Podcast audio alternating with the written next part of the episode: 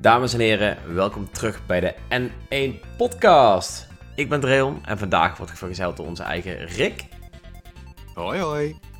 Robin Yo, en Willem. hele goede avond.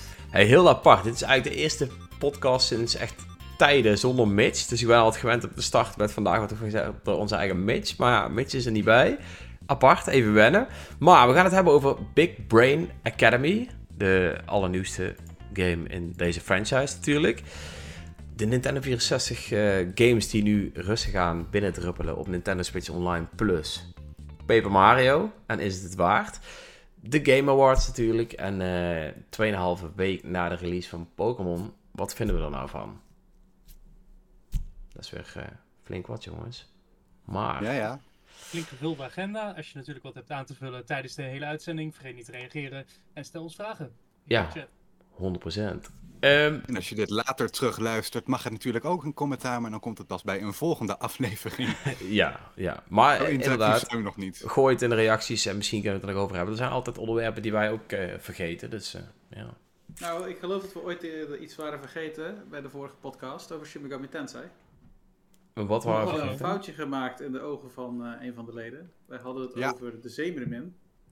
Oh En ja. Over de Mermaid. Dat is, En, dat is eh, geen watertype. Nee, het dat is geen eh, ijs. Dat klopt. Het is ijs. Dat klopte helemaal. Ehm, dus eh, zeer goed opgelet. Ja, goed opgemerkt. Mer- Eh, merk je gelijk dat ik er niet bij was, hè? Ja, ja, dat, daar zal het aan liggen, ja. nee, ja, inderdaad. Er zijn helemaal geen, eh, geen waterelementen in die game, maar het was eigenlijk meer gewoon een, eh, een vluchtig voorbeeld.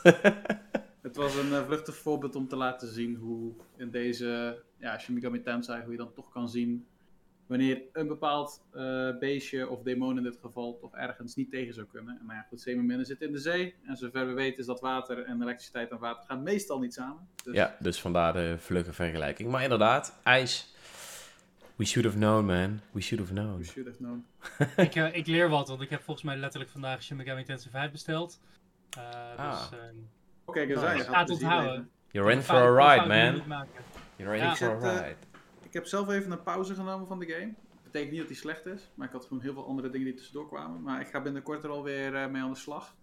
Het blijft gewoon echt, eh, het is gewoon heel tof. Echt, Ja. eh, een toffe game. 100%. Eh, ja. Nice. Ik heb de review Komt gedaan, dus eh, ik was er goed over te spreken, mocht je hem willen lezen. Eh, maar nu, we gaan het hebben over Big Brain Academy. Knappe kop was het volgens mij. Ja. Dat is de Nederlandse subtitel. En is het, is het een, een remake of is het een helemaal nieuwe game? Het is helemaal nieuw, toch? Nieuwe game, geloof ik, maar er zitten natuurlijk wel dezelfde principes. Je kan, als je bij die kern-franchise wil blijven, kan je natuurlijk niet heel veel kanten op met echt gloednieuwe dingen. Mhm. Het is nog altijd volgens mij dat je die vijf categorieën van je brein eh, kan trainen. En dat zijn natuurlijk dan je geheugen en nou ja, noem maar op. eh, Robin, eh, de review voor ons, dus die weet daar vast meer van. Nog niet, want ik moet er nog aan beginnen. Dus mijn brein is nog Oeh. niet big brain. Oeh. Maar, eh, Small brain. big Smooth brain. Ik hem heb gespeeld. Small brain. Maar eh, nee, ik ga hem inderdaad reviewen. Ik eh, ga er binnenkort eh, aan beginnen. En ik ben heel benieuwd wat het eh, spel mij gaat opleveren. Of het mij een big brain geeft, ja of nee. Maar eh, ik ben heel benieuwd. Ik ben ook van plan met multiplayer te spelen. En ik ben ook heel benieuwd hoe dat dan als partygame kan gezien worden. eh, met een beetje, ja, toch wel een kleine competitie naar elkaar toe. En hoe het als singleplayer game gaat zijn. Dus eh, ik ben heel benieuwd. Ja. Ehm, ik vond Brain Training, ja, op de DS vond ik altijd echt heel tof. Ik weet nog dat ik toen eh, heel trots was dat ik eh, 20 rekensommetjes in 16 seconden kon. Ik weet niet hoe ik het heb gedaan toen. Maar eh, dat is ooit mijn Dat was het record geweest. tijdperk. Dat, was een tijdperk, tijdperk. voor smartphones en altijd een rekenmachine bij je hebben. Nee, maar Ja. even, even voor mijn beeldvorming. hè, Want ik heb, eh, Big, eh, of ik heb Brain Training heb ik eigenlijk wel best wel vaak gespeeld. Ik heb volgens mij ook de laatste heb ik gereviewd op de Nintendo Switch. Maar Big Brain Academy heb ik nooit gespeeld. Wat is het verschil tussen Big Brain Academy en Brain Training? Eh, dat als ik ik, ook niet te zeggen. vanuit, vanuit technisch oogpunt is, is het belangrijkste dat brain training eh, geholpen is door eh, hersen, eh, hersenkenner Dr. Kawashima. Kawashima, eh, Mhm. mijn, mijn, mijn grote vriend. Eh, en eh, brain training is veel meer georiënteerd op de iets speelsere markt. En inderdaad, aan de hand van die vijf hoofdthema's eh, zijn er veel meer toegespitste oefeningen. Dus waarbij je bij brain training dus echt een hersenleeftijd gaat berekenen en die dagelijks moet trainen, is brain Academy veel meer op het speelse gericht, als ik dat Ah, goed oké. Ja, ja. Dus vergelijkbaar casual, eh, maar net wat andere, andere principes. Andere En, insteek. eh, Super casual en iets minder casual eigenlijk. en- ja, Want om het en- nou en echt niet- hardcore te noemen. En niet afhankelijk van ehm, de heer Kawashima. Zou ook in de licentiekosten wat schelen. Oké, heb ik ooit het verhaal verteld over Kawashima en mijzelf? Nee, ik was al aan het denken van waarom is het jouw grote vriend? Dus vertel. Oh, oh. Dus ik heb, eh, toen ik in 2017 bij Nintendo zat, eh, gewerkt aan de marketing en promotie van eh, Dr. Kawashima's Devilish Brain Training. De beruchte Brain Training die was aangekondigd zo'n vijf jaar eerder. En toen dachten ze in 2017, dit Oh ja. is het moment Nu waarop we tijd. Brain Training terugbrengen nu de Switch uit is. Ideaal. Ehm, als, je, als je werkt voor een Europese markt, betekent dat je in heel veel, heel veel talen Brain Training moet gaan doen. Which I did. Heel veel weken brain training in verschillende talen. Oké. En omdat de game de likeness gebruikt van de heer Kawashima, is de heer Kawashima executive producent. Wat betekent dat de heer Kawashima een zeer invloedrijke de rol heeft. Nou, hij, nee, hij heeft, hij heeft vooral een zeer invloedrijke rol erover, omdat hij verantwoordelijk is eigenlijk voor alles waar zijn naam aan gekoppeld is. Dus hij, dan wel zijn assistent, moet overal goedkeuring op geven. Wat er getoond wordt in marketing, wat er getoond wordt aan gameplay. Oh, Omdat het allemaal naar hem oh, terug oh. moet komen. Tot op het punt dat toen ik meerdere trailers gameplay had verzameld, b- we de feedback terugkregen. Kan zijn handschrift wat netter? Wat? Echt? Voor de rekensommetjes werd mijn handschrift niet helemaal goedgekeurd. Dus ehm, dat moesten we opnieuw doen. Waarin je op een gegeven Ja. moment dus niet 20 rekensommetjes in 16 seconden kan doen. Want je kan helemaal geen 7 netjes tekenen in, 20, in minder dan 16 seconden. En nog de, de sommetjes maken. Dus ik heb een, een zeer complexe relatie met de heer Kawashima.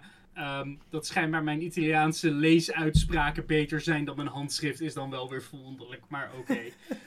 dus ehm, Nou ja, Dus ja. het voordeel is, Willem, de kerstkaart die je krijgt zal vast heel mooi ge- geschreven zijn. Oh, beter, beter. Als hij zoveel aandacht had. Oh, damn. Dus, ja. eh, maar, maar ik kan wel attesten, brain training haalt je hersenleeftijd omlaag. Trust me, het, het werkt. Maar iedere keer als jij dus de naam Dr. Kawashiba hoort, dan krijg je ergens...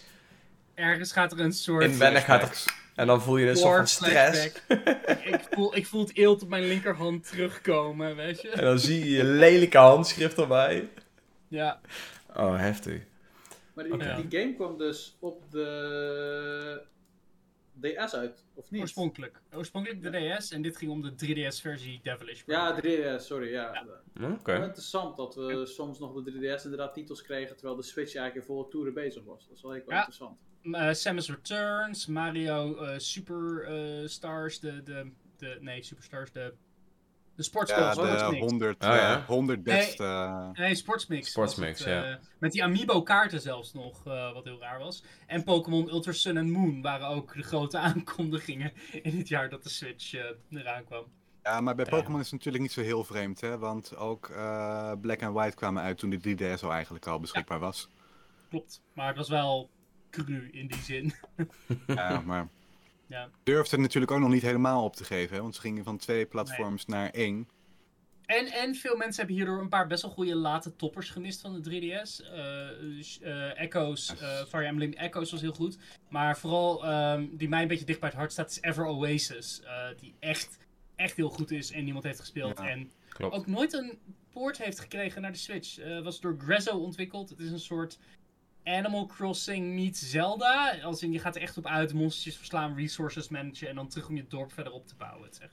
Het was gewoon heel erg cool in een toffe woestijnwereld. Dus Ja. Er was ook een of andere Industry Legend mee verbonden, hè? Van Trails Ja. of Mana of iets in die richting, of ik, ja, ik weet niet meer. Ja, maar het, was, zag er echt goed uit bij de E3. het was ook echt gewoon een goede game, ja. Ik, had mijn Switch al en eh, mijn 3DS was ondertussen eigenlijk al met pensioen. eh. Ja, dat had iedereen. Dat was, dat was het hele probleem. Oh jongens, eh, ik zie dat eh Alfons er is. Dus eh, hallo Alfons. Hey. Wees welkom. En luister gezellig mee. Reageer ook vooral aan mij, reageer op jou.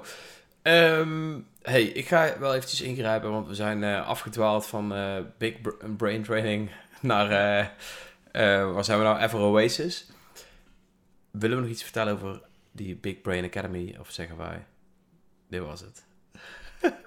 Kijk uit naar de review van Robin. Ja, ik ben wel benieuwd, eh Robert. Want je gaat hem natuurlijk eh, het. nou flink er doorheen stampen. En eh, we gaan het zien. Dus ik, ik ben wel heel benieuwd wat Ja. je daarvan gaat vinden. Ehm, wil ik meteen even het, doorgaan? eh, gaan eh, verwachten en eh Ja. je zult het wel zien wat ik ervan vind.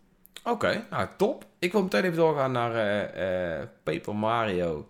Nintendo, of Paper Mario 64 op Nintendo Switch Online eh, Plus abonnement. Want dit is natuurlijk de reden om Nintendo Switch Online Plus aan te schaffen. Of hoe noemen ze het ook? Upgraden. Nintendo Switch Online eh, Expansion Pack was het volgens mij. Uitbreidingspakket. Ja, Ik heftig. zuur ben dat ze niet het pack hebben genoemd. Net als de Rumble Pack. En Inderdaad. Uitbreidingspack. Nee. Je had ook de Expansion Pack voor de Nintendo 64. En die was... eh, Allemaal met een K, maar nee, dit is het pakket. ja, dat Dat is... is veel. Dat is jammer. Maar Paper Mario 64, geweldige game. Overal op te spelen. Nu ook op Nintendo Switch Online uitbreidingspakket. Morgen dropt hij volgens mij, als ik het nog goed heb onthouden. Ah, oké. Die Maar- week. Even, eh, ik, ik grap nou wel, maar, maar even serieus. Is, is, dit, is dit de reden om het aan te schaffen? Of denk je niet, hè? Nou, ik, Of denk je van wel? ik, ik, ik denk voor mensen die nog nooit op een Nintendo 64 hebben gespeeld, zoals ik. Eh, ik heb ondertussen heb ik ook de uitbreidingspakket al, maar dat is dan Mhm. via een, eh, een family plan. Ja, ik ook. Ehm, ja, ik, ik kijk er wel naar uit. Eh, ik heb eigenlijk altijd Paper Mario games wel tof gevonden. Ik heb Mhm. Origami Kingdom recentelijk nog toch gespeeld. En ja, mijn, een van mijn favoriete games op de Gamecube was ook de Thousand Year Door van Paper Mario. eens. En ik ben heel benieuwd hoe de 64-versie is. Ik hoor er heel veel goede dingen over. Dus voor mij zou het wel denk ik een reden zijn geweest om zeker ook ja, toch wel toch wel Upgraden. te halen. Mocht je al op de Nintendo 64 actief zijn geweest in je jeugd en je hebt er niet per se nostalgische waarde aan of je denkt dat het te duur is, ja goed, dan moet je die vraag bij jezelf leggen, want aan zich zijn er nog niet heel veel games die beschikbaar zijn en biedt het nog niet heel veel, het eh, uitbreidingspakket. Dus dat is maar net, Mhm. wat is de waarde voor jou? Ja, want, want net als de 1000 Year Door was volgens mij Paper Mario 64 ook niet zo heel makkelijk aan te komen. Eh, dat kan natuurlijk wel reden zijn om, eh, om te willen spelen op Nintendo Switch Online natuurlijk. Eh, zelf moet ik zeggen, ik vind het echt een geweldige game. Maar ik heb hem toen op de Virtual Console voor de Wii of Wii U, een van de twee, al gekocht en uitgespeeld. En het is wel echt een hele goede game. hoor. Dus ik moet wel heel eerlijk toegeven, mocht je hem niet gespeeld hebben, is dit misschien wel het juiste moment om over te stappen. Want het is wel een geweldige RPG. Ehm, maar waar, waar ik eigenlijk een beetje mee zit, is het is nu inmiddels een maand later. We krijgen één game. Eh, ik moet eerlijk zeggen dat ik niet echt de statistieken weet van hoeveel mensen er over de streep zijn voor Nintendo Switch Online eh, uitbreidingspakket. Is dat überhaupt bekendgemaakt? Maar- Of? Weet ik niet, denk het niet. Maar ik, niet, nee. Nee, want die verkoopcijfers zijn nog niet bekend geloof ik. De verkoopcijfers zijn nog bekend. het Dat krijgen we kwartaal. met het volgende kwartaal eh, bijeenkomst. ja. Ik, ik denk dat een van de slapende krachten achter het uitbreidingspakket misschien wel niet de N64 content gaat blijken, maar toch dingen als die Animal Animal, Crossing. ja, die DLC. Animal Crossing DLC. Ja. Want eh, die heb ik wel heel veel mensen zien of horen spelen. Mhm. En ik denk dat veel van die mensen hem niet per definitie hebben aangeschaft. Omdat ze ook wisten dat ze hem via deze manier konden krijgen. En het family plan nog steeds, als je de acht mensen bij elkaar weet te krijgen, een hele goede waar voor je geld is. Ja. Nog steeds minder dan een tientje per jaar. Goede deal. De ratio waarop we nu N64 titel krijgen, titels krijgen is... Ik, ik wil niet zeggen zorgwekkend, want we hebben het hier over oude games. Er zijn genoeg manieren om dit soort spellen te spelen. Like, ik lig er niet wakker van dat ik niet morgen Mario of eh, whatever eh, een grote N64-titel kan spelen.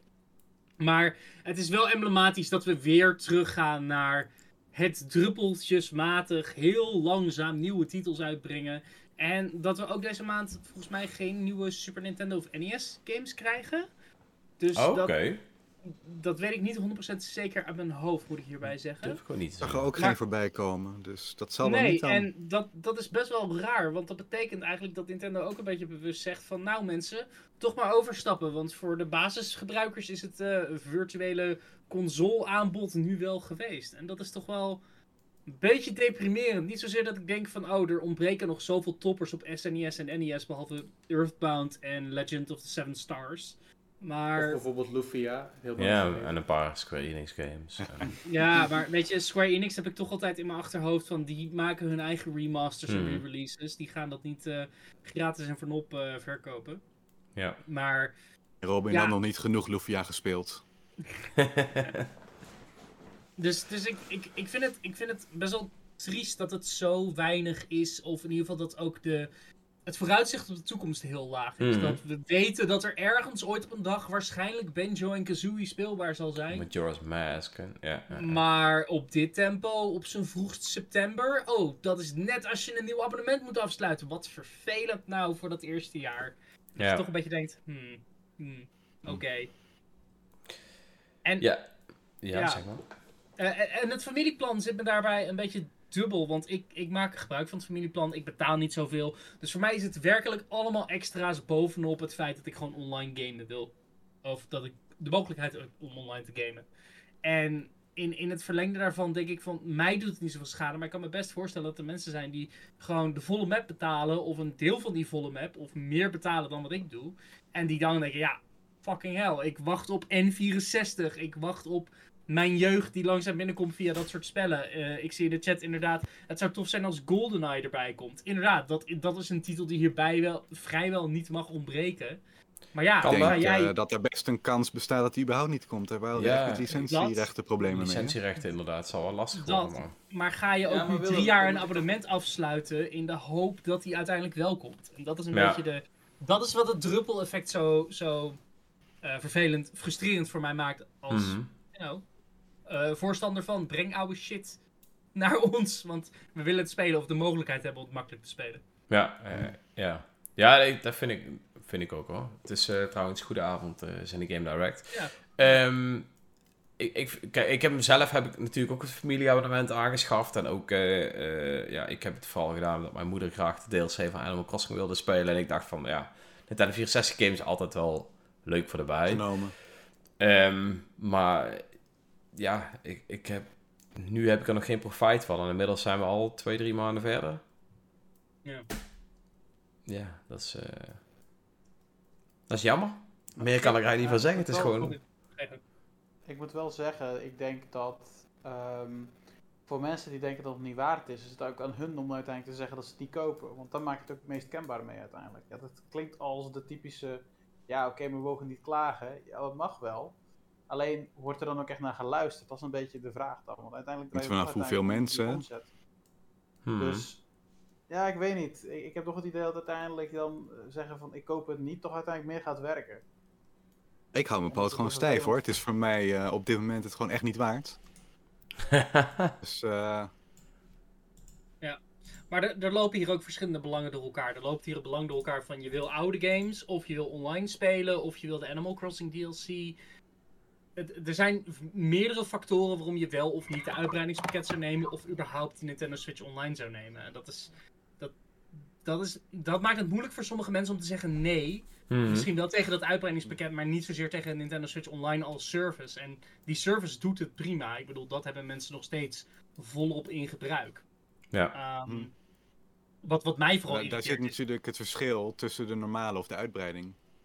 Ja, en dat, dat moet wel afhangen van de kwartaalcijfers. Maar als dit al de eerste indicatie is van hoe langzaam N64 gaat, al hebben we het over een premium service waar, je, waar iedereen meer voor betaalt, ongeacht of je het familieplan doet of gewoon, Ja.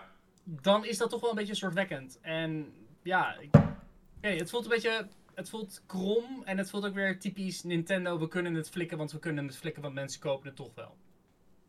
Ik weet niet. Af en toe is wel- zo'n eh, zo'n Wii U-situatie niet zo... eh, zo'n Wii U-situatie op zijn tijd is niet een- eens zo gek voor eh, af en toe eens een keertje een schop onder de kont te krijgen. Hmm.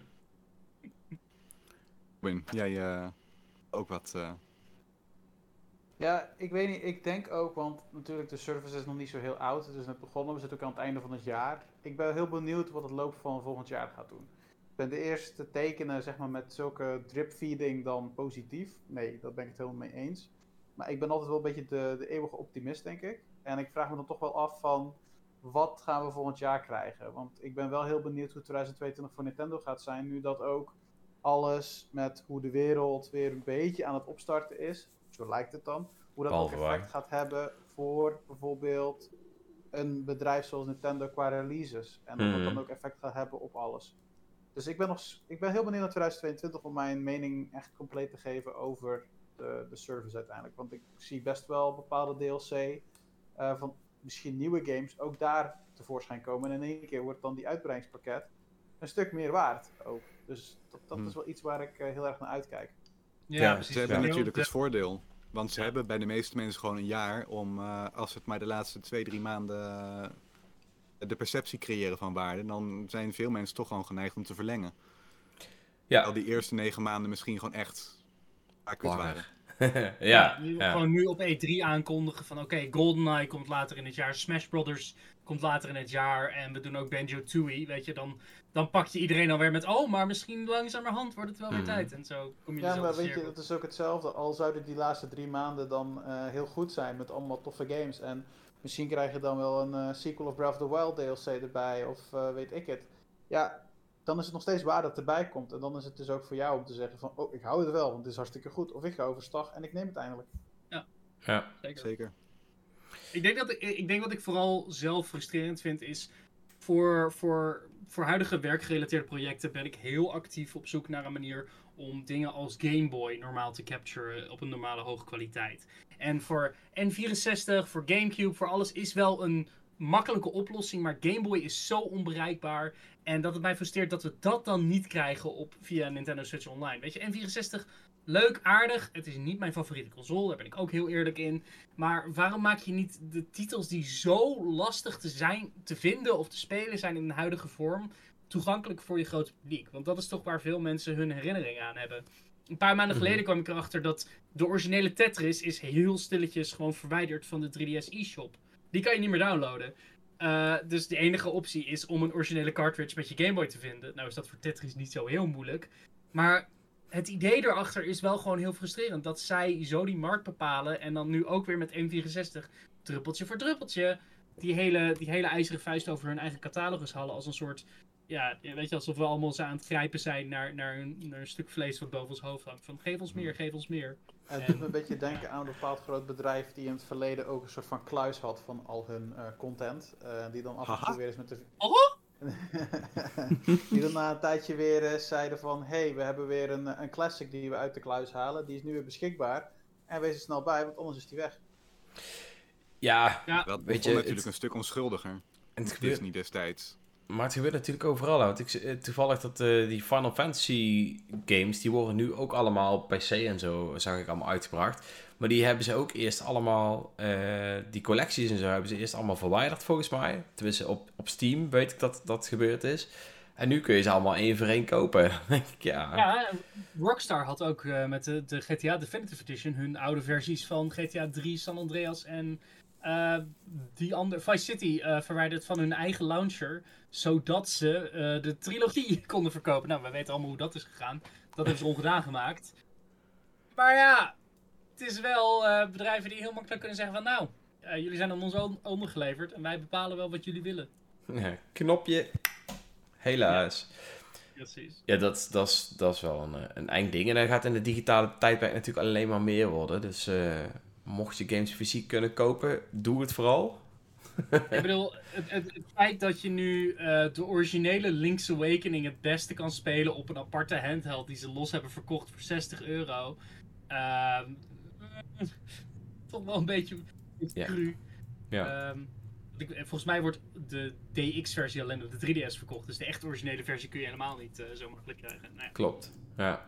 Ja, zelfs Ja, fysieke games zijn geen garantie meer tegenwoordig. hè. Pokémon eh, Brilliant Diamond en Shining Pearl hadden bijvoorbeeld iets van 3 gig eh, aan een eh, day one patch die je moest downloaden als je de volledige ervaring wilde. Ah, Ja. ja, dat klopt. Alle, En- alle post, postgame content zat gewoon niet op de cartridges. Daar moest je echt eh, de downloads voor doen. Hetzelfde geldt dan voor de online capaciteit. En nou ja, dat je daar dan nog iets extra voor moet downloaden, ja prima. Want zonder, zonder internetconnectie kan je daar toch niet gebruik van maken.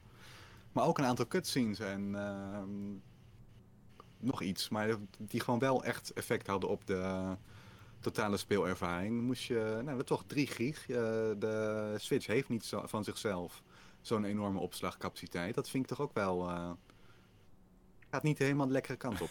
dat is ook wel een beetje zorgwekkend, ja. Ja. Dus Ja, dat Ja, het, eh, dat is dan ook de vraag van, is dat nu de huidige situatie of is dat de norm? Dus dat is dan ook weer even iets wat we moeten afwachten, I guess. Het ja. wordt Nee, je meer en meer de norm. Dat is, het, dat is waarom het zo zorgwekkend is. Ni- Nintendo heeft altijd een, een, een focus gedaan om de situatie naar hun hand te creëren. Dus als je zegt het is de norm of het is niet de norm, ze maken het een norm. Voor zichzelf, dan wel voor anderen. En dat is gewoon omdat ze gewoon weten, ja, de fans kopen het wel. En daar hebben ze ook wel, ja, ik bedoel, hebben daar gelijk hebben ze gelijk in. Klopt, Maar ja. het, is wel, het is wel dingen die je op een gegeven moment gaat voelen. eh, en ook een vraag van hoe ver kan je zoiets trekken. Dat, dat, dat het effect heeft dat mensen zeggen: nee, ik koop een expansion pass niet. Of nee, ik doe hier niet aan mee. Like, dat zal altijd de uitzondering op de norm zijn, vrees ik. Ja, Het is natuurlijk ook een beetje een eh eerkwestie, want zij eh, gaan nog steeds erg prat op dat zij zichzelf als eh, nog altijd, ondanks dat ze nu in een digitale tijdperk zitten, dat ze zichzelf zien als de ambachtslieden uit Kyoto, wat ze nog altijd eh, vanuit die ellenlange geschiedenis eh, als bedrijfsmotto hadden. Ja, Mhm. die, die titel die raak je langzamerhand kwijt op deze manier. ja, I don't Aan know. de andere kant zijn ze er 180 jaar, dus Ja, ze doen toch dat wel raakt je kwijt. Nou, het, het, het voordeel wat, ze, wat Nintendo volgens mij heeft, is dat ze gewoon een hele grote basis hebben aan early adapters die gewoon meteen willen. Als ik ooit kijk, tenminste als ik zelf iets, iets bestel van Nintendo, vooral special editions of sowieso gewoon games, dan, dan merk ik altijd al in de gameshop van, jou als je hem niet pre-ordert, kun je pech hebben. En dat is, ja, ik denk dat ze best wel een grote, eh, ja, een grote fanbase hebben van early adapters. En als je die al hebt, dan heb je er al veel in je zak zitten. Zo'n 5 miljoen voor de Wii U, hè? Dat eh, is zo'n beetje de groep. Ja, De rest heeft hem niet gekocht toen. Tja, wat zeggen we ervan? Ehm, ik wil hier ook niet te lang eh, bij stil blijven staan, want hier word ik alleen maar depressief van. Terwijl het eigenlijk misschien een goed dingetje kan zijn eh, over een tijdje. Maar waar we wel eventjes bij blijven hangen is natuurlijk Pokémon. Want je haalde hem net al een keer op. Pokémon eh, Brilliant Diamond en Shining Pearl. Shining Pearl. Ja, ik... eh, Inmiddels hebben wij ze volgens mij allemaal gespeeld. Jij ook, Robin? Alright. Een van de redenen waarom ik geen Big Brain Academy gelijk heb gespeeld. Oké, oké. Ik, eh, ik dacht van, eh, Pokémon kwam, eh, kwam binnen zaterdag. Ik had hem uit eh, de Spaanse Amazon besteld, dus ik heb Diamante Brillante. Eh, Allee. en ja, ik heb hem dus nu gespeeld. Ik heb nu twee badges, want eh, ik heb er nu 10 uur op zitten, want ik eh, ben verdwaald in de, in de underground. Dat vind ik echt een, eh, een super toevoeging aan de game. Dat stukje is heel goed.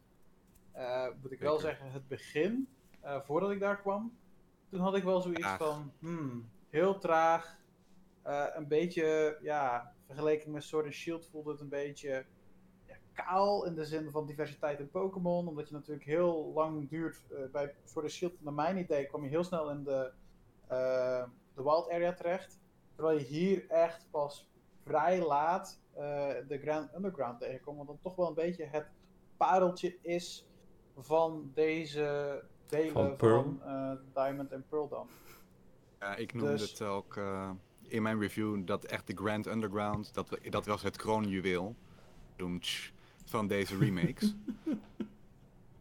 Ehm, want ze hebben Ben eigenlijk ook nog geüpgrade natuurlijk met ehm, die Pokémon Hideaways. En het, de Underground was al eigenlijk het beste onderdeel van de generatie 4 van Pokémon.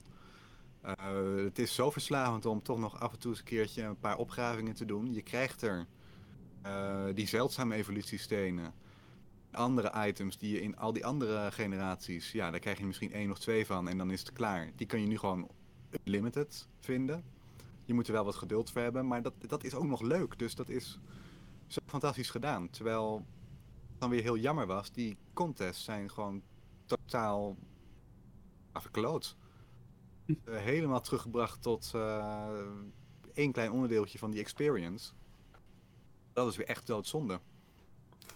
Dat is een beetje mijn hele gevoel bij. ehm, eh, ik heb dan Pokémon Brilliant Diamond gespeeld voor de review. Ehm, op zich is het een ruime voldoende game. Maar je ziet op, overal waar ze een stap naar voren hebben gedaan, hebben ze ook steken laten liggen. Het is echt, had zoveel meer ingezeten. Ja, ja, dat, dat is ook een beetje het lastige bij zo'n eh, zo'n remake. Dat is ook wel een beetje het gevoel wat ik van begin af aan wel een beetje had ja, dat deze game zou, zou gaan krijgen. Hè. Het, is, het is een remake en het leek op bepaalde manieren soms een beetje een, een, een makkelijke oplossing te hebben. Nu heb ik hem zelf eh, ook gespeeld en ik, ik denk er eigenlijk een beetje hetzelfde over. Dat moet ik, uh, moet ik wel toegeven. Ehm, maar wat ik wel vind is dat, dat de game zich wel echt heel goed leent gewoon voor handheld gaming aan zich. En, dat, is echt, uh... dat, is, dat is denk ik wel een, een pluspuntje, vind ik zelf vergeleken met Sword and Shield. Die was voor mij, voor mij gevoel iets minder handheld vriendelijker. maar je ziet echt het, het DNA dat... Dit was een origineel natuurlijk een DS-game. Dit was origine een handheld game. En omdat ze hem zo één op één, maar dan in, met 3D-modellen hebben omgezet... Dit leent zich fantastisch voor de, de Switch Lite of handheld modus. Ja. Als jij uh, als ouder... Uh, kind hebt uh, dat uh, met Sinterklaas of een verjaardag zo'n Switch Lite heeft gekregen. Ja, dit is uh, een van de eerste games die je moet hebben. Hmm. Als je een beetje een introductie naar gaming wil doen naast een Mario Kart of noem maar op. Nou, dan moet ik ook zeggen, want ik vind deze game, vind ik wel mooi dat je het zegt, want ik vind deze game juist best wel wat nostalgischer worden op het moment dat ik hem in handheld speel, zeg maar. Op een of andere ja. manier voelt dat gewoon goed. Um, dit was voor mij de eerste waarvan ik echt zei van, dit heeft de voorkeur om in handheld, handheld modus te spelen. Ja, voor mij ook. En uh, het grappige was dat ik, ik heb dus die dual pack gekocht. En daar, uh, mijn vriendin die speelt dan Brilliant uh, Diamond. En ik ben zelf Shining Pearl gaan spelen. En ik zei gewoon tegen haar van, weet je, pak de tv maar. Ik ga lekker mijn Switch Lite gewoon erbij zitten. En ja, dat was gewoon... Dat offer wil die wel brengen. Ja, nou, dat, dat vond ik prima. Normaal gesproken denk ik al van, oh ja, ik wil docked. Maar nu had ik zoiets van, weet je waar, ik doe lekker... ik ga lekker onderuit de bank liggen terwijl jij daar voor de tv zit. En dat was goed bevallen. Uh, terwijl zo'n Shin Megami Tensei 5 bijvoorbeeld, die speel ik echt veel liever docked. Die speelde ik alleen handheld, als het echt niet anders uitkwam. Hmm. Ja, dat is echt wel, ik, ja. Ik, ik, speel, ik speel eigenlijk alleen maar handheld stijl, moet ik zeggen. Ik heb hem toevallig van het weekend voor het eerst docked gespeeld. En ik dacht van, oh ja, er is een dock. ik, het uh, werkt ik, wel, maar... Het, het werkt, maar het is, uh, in handheld is deze game prima. En in docked heb ik dezelfde ervaring, maar het voelt niet helemaal hetzelfde. Ik denk ook omdat hij zo. Het, het, het, het heeft de dock niet nodig in die zin. Het Mhm. werkt gewoon heel erg op zichzelf. Dus ja, ik, ik, ik vind het een. Het is, het is heel erg binnen de lijntjes. En toch een paar steken laten vallen. En toch een paar steken terugnemen. Het, het gebrek aan TM's en dat je die wel kan kopen in de underground is verneukeratief voor mij. Het is, het is een, het, is het, het weerhouden ervan om te teambeelden. Um, dat ze zo strikt hebben vastgehouden aan oude Pokémon wederom terug laten komen allemaal. En niets van de latere generaties erin te introduceren. Snap ik om waarheidsgetrouw te blijven aan het idee van een remake. Maar tegelijkertijd houdt het zichzelf zo daardoor tegen.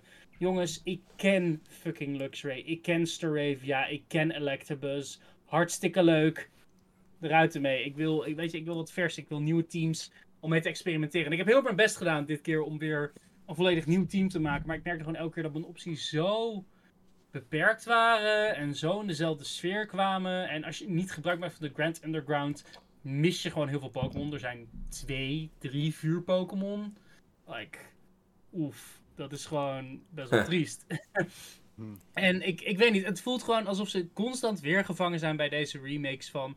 We gaan hecht blijven aan het origineel of we gaan ons eigen ding doen. En hier zijn ze zodanig hecht gebleven aan het origineel dat de pacing ontzettend traag voelt. Vooral tussen de tweede en de vierde gym wordt de game bijna tot een stilstaand langzaam tempo ge gereduceerd. um, ja, ik, ik, ik zei al eerder, ik, ben, ik, ik heb Shin Megami Tensei 5 uh, gekocht. En uh, de reden is omdat Pokémon gewoon simpelweg dit keer niet mijn RPG-craving heeft uh, uh, bevredigd in die zin. En dat vind ik gewoon heel zuur, want normaal was dat altijd prima. En vind ik het experimenteren met teams juist wat mij zo geïnvesteerd houdt. En dit keer was het gewoon...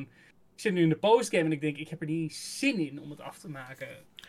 Um, in Shin Megami Tensei 5 kun je in ieder geval ook goed uh, teams in elkaar sleutelen, dus dat komt Zo, wel goed. Dan heb je wel genoeg uh, teambuilding uh, aan te passen. Dat heb ik wel nodig. ik heb er heel veel zin in, of ik tenminste ben heel benieuwd naar. Of het wel wat voor mij is, want Pokémon is natuurlijk wel vertrouwd. En dat merk je ook tijdens het spelen. Hmm. En ik merkte, ik, ik, ik, zoals ik zei in de vorige podcast, ik heb hem gestart samen met vijf andere vrienden tegelijkertijd. Er allemaal doorheen aan het jassen op één avond, zover we kwamen. Nou, echt de dikste lol. Gewoon hartstikke leuk de hele tijd door. Ehm, helemaal uit ons dak gegaan toen één iemand van ons een shiny weet te vinden aan het einde van de avond met alles erop en eraan. welke, welke, welke, welke, welke? Het was, het was grappig voor hem, want het was een Machop. En hij had 20 Oeh, jaar geleden op, de, op dezelfde route ook in eh, Pearl een Machop shiny gevonden. Dus het was voor hem Nice. zo van... Wow, ze hebben alle nostalgie geher. Een zieke nostalgie. Ja, ja, ja.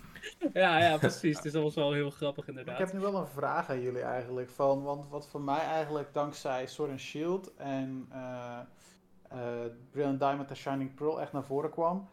Ik wil heel graag dat de Pokémon in de overworld blijven. Of dat er een, een, een plek is waar je best wel een leuke diversiteit aan Pokémon kan vangen. Het moment dat die diversiteit wegvalt, valt mijn interesse van Pokémon ook veel meer weg. Die Underground heeft de games gewoon gered voor mij. Als die er niet had ingezeten, weet ik niet of deze game had afgemaakt. eh, überhaupt en verder was gegaan. Want die Underground maakt het nu voor mij. Hetzelfde was de Wild Area eigenlijk voor mij. Hoe denken jullie dat Pokémon in de toekomst daar ook verder mee moet blijven gaan met zulke omgevingen? Of dat Pokémon altijd op de overworld moeten blijven? Of vinden jullie nog Ja. een bepaalde nostalgie in random battles? Het is heel simpel. Eh, Pokémon in de overwereld werkt voor de versterking van de immersie van de game en het type van de game. Maar ik vind dat dat niet de oplossing is voor je diversiteitsprobleem. Het probleem daarbij is, is dat je al Ponyta 25 jaar lang hebt gezien. En dat Mhm. dat niet meer verrassend en divers aanvoelt. En ik, weet je, Pokémon Black and White, Black and White 2 in het bijzonder zijn mijn favoriete games in de serie. En waarom? Omdat ze je forceren die eerste game, die eerste avontuur, Ja. door te lopen met alle nieuwe Pokémon. En ook al vind je ze niet allemaal leuk, ze zijn allemaal nieuw. En dat maakt het spannend en uitdagend om ermee te proberen. Terwijl Je als ik een soort überhaupt uitzoeken eh, welk type is dit eigenlijk. welk type is dit? Wat voor team kan ik hiermee bouwen? Hoe speelt deze Pokémon? En dat geeft die game zo ontzettend vette gevoel als je ze voor het eerst speelt. Maar dat maakt het experimenteren met nieuwe teams ook leuk. Terwijl bij Sword and Shield heb je dat ook tot op een zekere hoogte. Die eerste route voel je dat een beetje. Mhm. En daarna, you know, je komt in- binnen in die wild area. Hey, Onyx. Oh, is dat een fucking Pikachu? Ja, weet je, dan, dan, Ja. dan, dan, dan zakt het bij mij ook weer heel snel. Ook al vind ik dat het veel beter werkt dan random encounters. Absoluut, daar geef ik je helemaal gelijk in. Uh, en ik denk dat de compromis die ze maken uh, in, in, in, in, in, in dat soort overworld design in de wild area is gewoon heel slim. Van je behoudt dat Pokémon daar vrij rondlopen, maar je geeft ze wel een beetje die aanwezigheid, die imposantie. En in Brilliant Diamond, The Shining Pearl valt het weg als je niet de underground betreedt. Ik eh, denk dat jij wel echt de spijker op zijn kop slaat.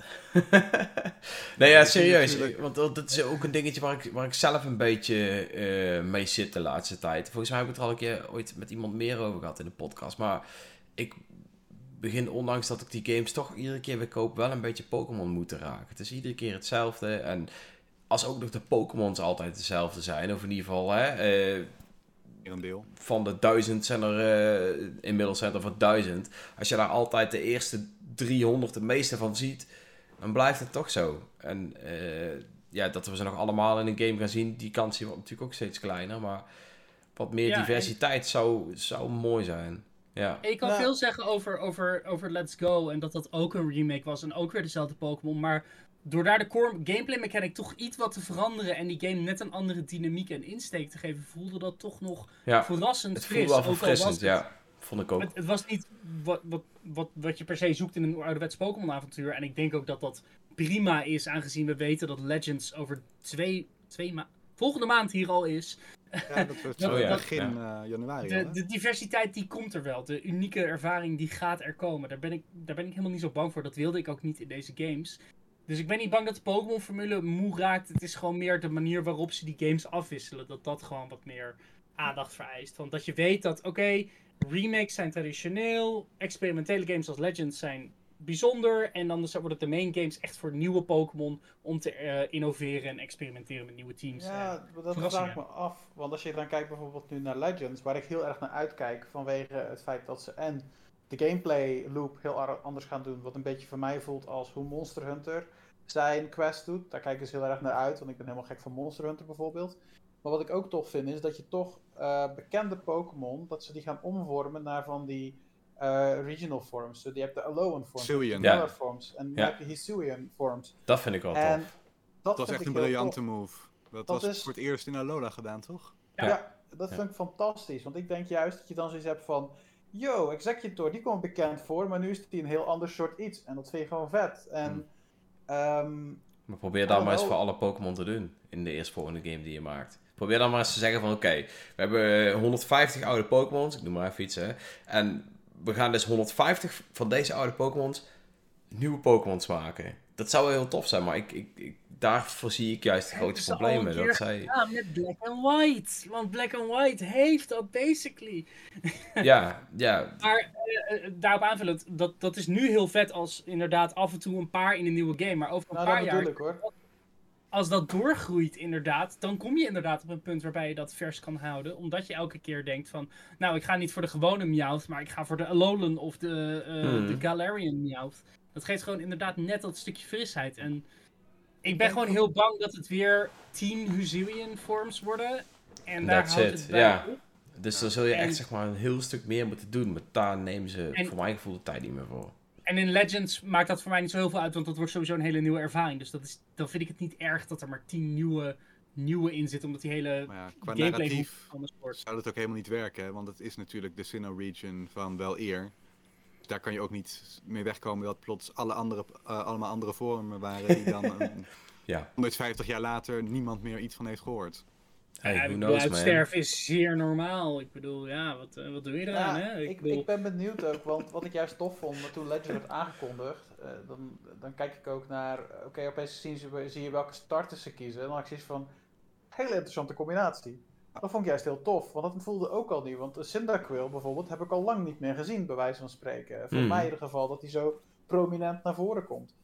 Ehm, en kijk, je kan zeggen, ja oké, maar nu heb je dus al een paar eh, verschillende nieuwe Pokémon zien. Een soort van evolutie van een Stantler lijkt het wel, of een, een, een Stantler-achtige vorm. Er wordt soms gehint naar bepaalde Quillfish in bepaalde dingen. Ja, die zijn misschien uitgestorven, maar aan de andere kant komen we dan op de Isle of Armor of in de Count- eh, Crown Tundra. En daar zie je opeens allemaal fossielen ro- rondlopen, waar ze geloof ik in de, de, eh, de Pokédex zeggen. Ja, trainers hebben ze vrijgelaten, nu lopen ze Ja. opeens als invasie rond, zeg maar. Lore ligt niemand wakker over bij de Pokémon wou ik Company. Come on, it's Pokémon. En eh, ik denk nog altijd dat de beste move voor een starter ooit was niet in Legends nu dit. Het was ook niet in, weet je, standaard gras, vuur, water. De beste move voor een Legends was in Pokémon XD Gale of Darkness. Want daar was je starter een Eevee die je wel kon laten evolueren. En dan heb je Mhm. al, dan zou je in de huidige keuze. vorm acht, acht opties hebben voor je starter. Dat vind ik een hartstikke slimme keuze als je zoiets zou doen. En Let's Go wordt dat dan, you know, net weer de verkeerde kant op gedaan. Maar goed, Yep. het, het geeft variatie, weet je. Ik heb mijn starter deze keer bij Brilliant Diamond de Shining Pearl direct gereleased. Eh, leuk Piplup, hartstikke leuk. Heb je vijf keer gebruikt. Pieuw. Ik heb mijn starter was een Bidoof. En ik heb zoveel lol gehad, want de game was drie keer moeilijker. Het is super grappig om met een Bidoof Garchomp in te maken. En daarnaast heb je gewoon een hele andere ervaring met een Pokémon die iedereen altijd als de HM-slaaf had. Dus ja, je eigen regels rondom Pokémon maken werkt ook heel verfrissend voor veel mensen. Nou, het is wel echt eh, heel handig dat die HM-slaven gewoon nu echt voorbij waren. hè. Je krijgt nu in de Poketch eh, zo'n app-mogelijkheid dat je daar gewoon kan eh, roepen met eh, niet de Pokémon in jouw eigen team. Dus ik heb ook, eh, normaal gesproken had je dan altijd de, de Flying-type Pokémon, omdat je Fly nodig had. Eh Staraptor is gewoon halverwege mijn team uitgedonderd, omdat dat eindelijk eens een keertje niet meer nodig was. En het was dan dus leuk om eens eh, wat anders te doen. Het, ja, dat is briljant. Of dat is een slimme aanpak. Maar tegelijkertijd is de wereld exact hetzelfde gebleven. En is er dus geen uitdaging als je door de Victory Road loopt. Of een van de latere routes. Omdat je op elk moment elke HM-move kan doen. Dus je hoeft helemaal niet te backtracken. Je hoeft geen compromis te maken tussen. Oh, Ja. ik neem die Pokémon niet mee. Sterker Omdat nog, ik die rotsen omhoog Terwijl, ja, terwijl Dat- eerst, sterker nog eerst je kan je... ze gewoon onderweg wisselen. Hè? Dat, dat was overgenomen van Ja, eigen maar- Let's Go Games. Maar dat is juist jammer, want Dat- eerst, eerst moest je inderdaad, je maakte een team. En dat team moest ook nog eens al die HM's bevatten, omdat je anders niet verder kan. En Ja, dat maakt het juist wel moeilijker. Ja. dat, dat gaf het ontzettende uitdaging en variatie. En dat, dan merk je toch van, oké, dan pas je iets aan om hem gebruiksvriendelijker te maken, maar dan pas je niet de wereld ervoor aan. Je geeft ons de experience share, maar je past niet de levels van tegenstanders of trainers aan. Like, wat, waar zit hier de, de stap, inderdaad, balancing laten vallen? Daar ben ik Ja, ja, maar- eens. Want ik, Ja. ik vind bijvoorbeeld die, die, poke, die Poketch, eh, dat ze daar dan de HM's in deden, dat vond ik juist heel goed. Want eigenlijk wil ik gewoon een, ik zeggen, een frustratieloze ervaring hebben als ik Pokémon of een game in het algemeen speel. Maar dat je dan een frustratieloze ervaring hebt en daarnaast ook nog eens eh, zegt van, oh, en al je Pokémon levelen trouwens mee, dus je hoeft er eigenlijk niet over na te denken. Ja, dat is een andere vraag. Want dat, dat geeft mij ook een beetje van, ja, je spelers zijn niet per se dom die het spelen. Je zegt wel, Pokémon is voor jonge kinderen bedoeld. Maar voor veel mensen die het spelen zijn toch denk ik van een, van een leeftijdscategorie die toch wel boven de 20 zit, denk ik. Ja.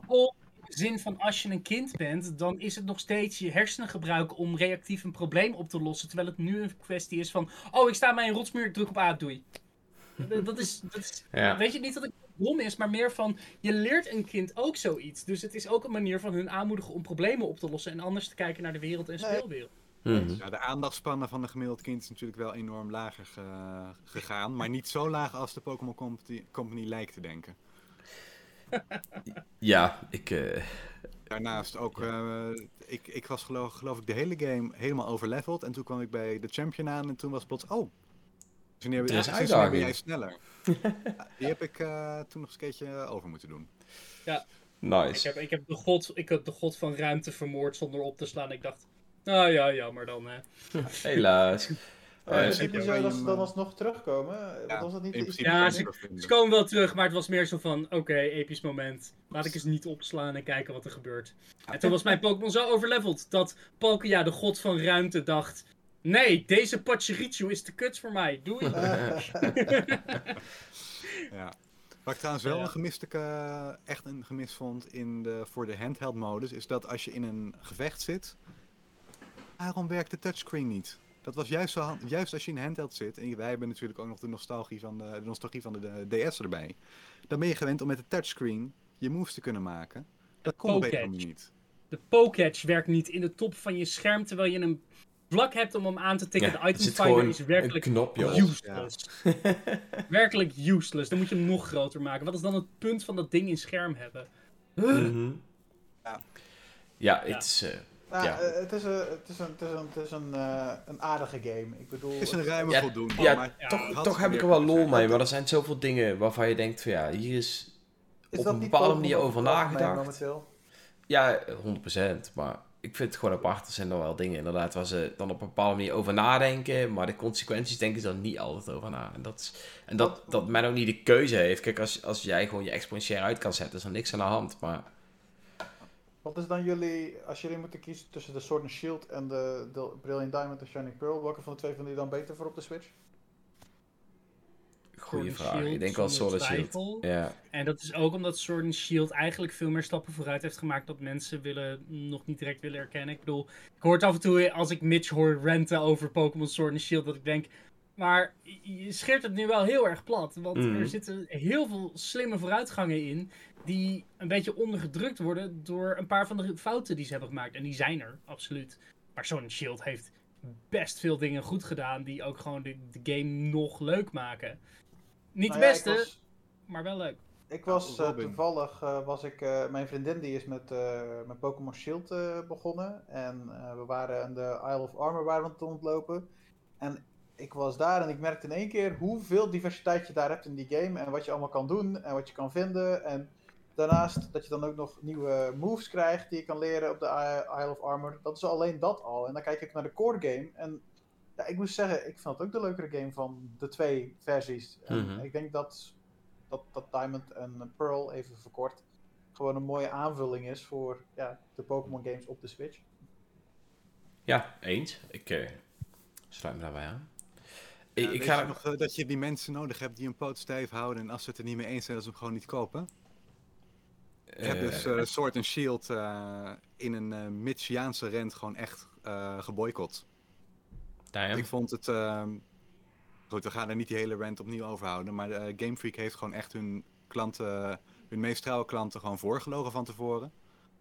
Om ze echt te naaien om, hè, de, de- die Pokémon Home app of zo was dat. Eh, die konden ze eerst aan en betaal maar en zet ze maar op. En daarna pas de bekendmaken dat niet alle Pokémon erin zaten. Dat is mij toen zo het verkeerde keelgat ingeschoten. Ik dacht van, als je zo met je klanten omgaat, bekijk het maar lekker. Ik had toch nog genoeg te spelen in die periode. Mhm. En ik kan nou niet echt zeggen dat ik het heel erg miste. Maar heb je je boycott volgehouden? Of Ja, heb je nu toch... Ik heb hem Ja, nog steeds nooit gespeeld. Oké. ja. Misschien dat ik hem ooit eens eh, second-hand koop. Dat eh, niet... eh, Dan voelen ze het niet. voelen ze het niet, ja. ja, nice. Ik, eh I don't know, man. Ik, ik ga ook, ik zie doe je ook niet meer aan boycotten klein- en zo. Ja. Dan zie je ook wel hoe klein echt de core fanbase is. Hè? Want heel veel mensen hadden oh tof, Pokémon op Switch. Kopen. Mhm. Het is een, het is een kleine, meerder, eh, kleine minderheid die het hardste schreeuwt. En Hmm. Ja, daar ben ik aardig klaar mee in het algemeen voor games en franchises. ik ook. Ik, ik, Nou ja, maar ik- het ik was wel echt gewoon een naaimove. De Japanse publiek, die kwam er pas twee dagen van tevoren achter dat niet elke Pokémon in die game zat überhaupt. Maar dat, nee, dat is niet. bullshit, want dat hebben ze gezegd bij de eerste aankondiging Nee, op dat de hebben E3. ze niet gezegd. Dat Nee, hebben dat ze hebben ze expliciet niet genoemd. We gaan hebben niet elke niet- Pokémon nee. terugbrengen. Hey Nee, jongens, dat hebben ze ehm, niet gezegd in de E3. Dat hebben ze in de Treehouse gezet. En die, hebben die heeft de Japanse markt niet goed vertaald gekregen toen. Echt de, Oké, de, maar de hashtag is een... Game Freak Light, die toen twee dagen van tevoren eh, viraal ging. Dus de hele Japanse fanbase. eh, ik vind het goed dat je boos bent voor de. Japanse fanbase. ja, Dat is 100%. goed boycott. Jongens, ik ga het even afkappen, want we gaan nog even hebben over de Game Awards. En we zijn inmiddels al een uur aan het praten. De Game Awards, die zijn donderdag volgens Sponsor door mij Mountain. Nee. ook. Nee, die zijn eh, donderdag volgens mij, donderdagnacht. Donderdag op vrijdagnacht, ja. Om twee uur Twee of zo. uur twee. 's ochtends. Ja, dat is- het. dan lig ik lekker op van 1-0. tevoren Een pre-show, ja. Yeah, met Jeff Keighley. Woe. En Oh, de. Reginator. Oh ja, de Reginator. Klopt, ja. Nou, ik, ik, ik moet eerlijk zeggen, ik, ik vind de Game Awards vind ik altijd een van de saaiste shows om te kijken. En de enige reden dat ik het ooit heb gekeken is omdat ik dan hoopte op een vette aankondiging ondertussen. En in de wereld van Nintendo is er nog niet zo... Nee. Nee, maar in de wereld van Nintendo is het ook nooit echt zo interessant geweest. Ik moet zeggen, ik heb het volgens mij twee keer gekeken. Toen dacht ik, weet je wel, laat maar. En als er ooit iets komt, kijk ik de volgende dag wel terug. Ehm, maar toch ben ik op een of andere manier wel altijd geïnteresseerd in... Wat, ja, wat, welke games zijn er genomineerd en wat is nou uiteindelijk de Game of the Year en zo. Op een of andere manier ben ik daar dan wel, wel weer geïnteresseerd genoeg in. Het is toch iets, zeg maar, wat Is blijkbaar toch redelijk belangrijk is. Hè? Wat is nou de Game of the genoeg om Year? live te kijken. Nee, ja. Ik bedoel, ik zou, ja, ik bedoel van 1 tot 5 of zo. Ja, sorry, maar dat vind Ja. ik toch net een vervelende tijd. Als het misschien om 11 uur zou zijn en het zou om 3 uur klaar zijn, dan heb ik misschien nog wel de optie van, weet je wat, ik ga kijken. Maar dat is ook al een vraagteken bij mij, want dat zou ik bij E3 ook niet doen.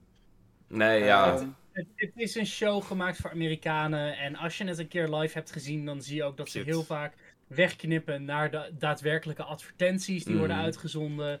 Ehm, het, het is niet voor Europeanen in de zin van toegankelijk en makkelijk. En ook als, als stemmen zijnde wordt het ook niet heel serieus genomen vanuit die hoek voor ons. nee. Dus Nee. ja, Ja, toen, volgens mij was het Anuma, die eh, toen voor de, de prijsuitreiking Game of the Year voor Breath of the Wild. Toen zei hij ook, thank you America. En dat klopte wel heel erg, ja. dat het echt Ja. Amerikaans ik, was. ik, ik denk dat dat wel tof is, is dat het altijd wel een soort leuke afsluiting van het jaar is van gaming, zeg maar. Om te zien van, nou ja, wat waren de games die afgelopen jaar zijn uitgekomen? Welke waren een beetje tof? En vaak moet ik zeggen dat de Game of the Year niet heel vaak controversieel is. Ik vind vaak dat toch wel de juiste games worden gekozen, naar mijn idee. Mhm. En bijvoorbeeld nu, als ik dan kijk op Nintendo-gebied, dat Metroid Dread als Game of the Year staat. Nou ja, als een mogelijk Game of the Year. Ja, hartstikke mooi. Als die het wint, nou, heel tof. Want dan hoop ik dat het nog een keer de Metroid-franchise een boost geeft die het, eh, die het verdient. Ja. Eh, en zo niet, dan heeft het nog steeds een, waarschijnlijk een boost gekregen. Omdat mensen hebben van, yo, Metroid Dread, wat is dat? Want het is wel in de nominatie terechtgekomen. Mhm. Dus dat vind ik altijd toch wel, een, eh, ja, toch wel iets leuks, zeg maar. Ik stem altijd wel op de games alleen die ik heb gespeeld. Gewoon voor de lol. Ehm, Ik ook, hoor. ik heb ook gestemd. Ja, nou, wat ik meestal leuk vind, wat ik dit jaar, naar mijn mening, iets minder leuk vind, is vaak zie ik dan, zeg maar, op het einde van het jaar de games van het begin van het jaar terug. En dan denk ik, oh ja, dat was, die was ook genomen. Oh, dat vond ik echt een vette game toen, weet je wel. Dat is voor mezelf is dat altijd een leuke eh, herinnering aan het begin van het jaar. Want vaak als je dan zoiets instapt, dan denk je alleen nog maar aan de afgelopen drie, vier games die je gespeeld hebt. Maar de game die jij in januari hebt gespeeld, ik vergeet hem altijd. En dan zie ik hem terug en denk, oh ja, dat was echt een toffe game toen, weet je wel. En dat vind ik wel grappig. Dat een soort van... Oh, iemand heeft een hele Ja, grote lijst, en, zie ik. En, en daarom hou ik tegenwoordig elk jaar Ah, bij wat ik precies speel in een Oh, jaar, ongeacht of het uitkomt. En dat helpt heel erg om bepaalde dingen in perspectief te brengen voor dit soort dingen. Hmm. Ik, ik neem mijn persoonlijke top 10 games van het jaar altijd relatief serieus. En dat is wel Ehm, grappig, want ik en, en in die zin vind ik de game Awards altijd zwaar tegenvallen.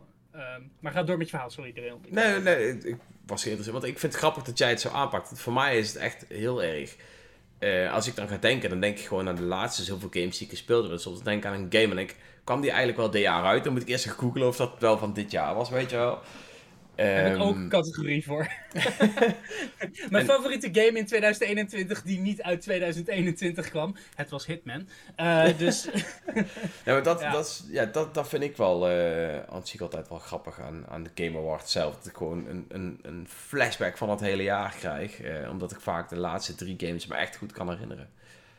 En ja. Ik, vind toch- het altijd wel leuk dat, eh het is dan één keer per jaar natuurlijk, dan wordt mijn hele YouTube feed overspoeld met al die clips vanuit de Game Awards. En daar kan ik dan gewoon zelf eh uit kiezen wat ik dan interessant vind. Mhm. Maar wat bijvoorbeeld in 2017, 2018 was dat geloof ik. Toen hadden ze ook echt een orkest. En dat ze voor de, de Game of the Year nominaties, dat ze toen echt een hele melo- eh, hoe heet dat? Compilatie hadden gemaakt, gewoon met live orchestra. Dat was gewoon echt vet gedaan. Dat, eh die Met, heb ik nog oh, uit meerdere gekeken. games was het toch, of niet? ja, Medley hadden Dat ze was eh, de, de medley, dat is het woord dat ik zocht, dank je. Ja. Dat hebben ze Eh, vaker dat- wel toch gedaan. Maar of- 2017 was een heftig jaar, jongens. 2017 was echt een heftig jaar. Dat weet ik nog wel. En, ik, en, en dat is het ook dit jaar. Like, misschien ben ik er controversieel in. 2021 was niet een goed jaar. Like, nee. Goed jaar. Voor mij er wel, zijn een, maar... paar, een paar games die zijn goed. Er zijn heel veel die zijn voor mij echt. Huh? Mhm. En Ja, maar dat- er zijn dat is- één of twee uitschieters. En voor mij is dat wel voor een jaar wat zo, waarin ik zoveel heb gespeeld, zoals je zag, is dat toch wel heel opvallend als ik er Hmm. zo op terugkijk. Ja, maar ik geloof als je kijkt ook op Metacritic en op eh OpenCritic, zijn er bijna geen games, of eigenlijk geen, op de consoles boven de 9 uitgekomen. Misschien nu wel ondertussen. Eh, ik geloof dat eh, Forza misschien een 9 heeft gekregen, ik weet niet of het zeker. Maar dat laat toch ook wel zien wat voor jaar het is geweest. Dat, dat blockbusters Kwalitatief. zoals Resident Evil, ehm, wat heb je nog allemaal? Eh, nou ja, grote, grote titels die groot waren opgezet en aangekondigd zijn allemaal een beetje vlak gevallen als je het mij vraagt. En ook als ik naar deze lijst kijk, like, eh, Nou, Ratchet Clank Rifts Apart was hartstikke hyped, maar dat kwam ook door een groot deel omdat mensen op de PlayStation 5 kurk droog staan. Mhm, Al mhm. maanden. Hartstikke leuk als je hem hebt, mensen. Maar vertel mij wel nou, wel nou wat je speelt wat echt nergens anders te doen is. Eh Deathloop misschien, maar dat is ook op PC. Heb ik ook mensen op terug horen komen uiteindelijk. Heb ik helaas zelf niet gespeeld.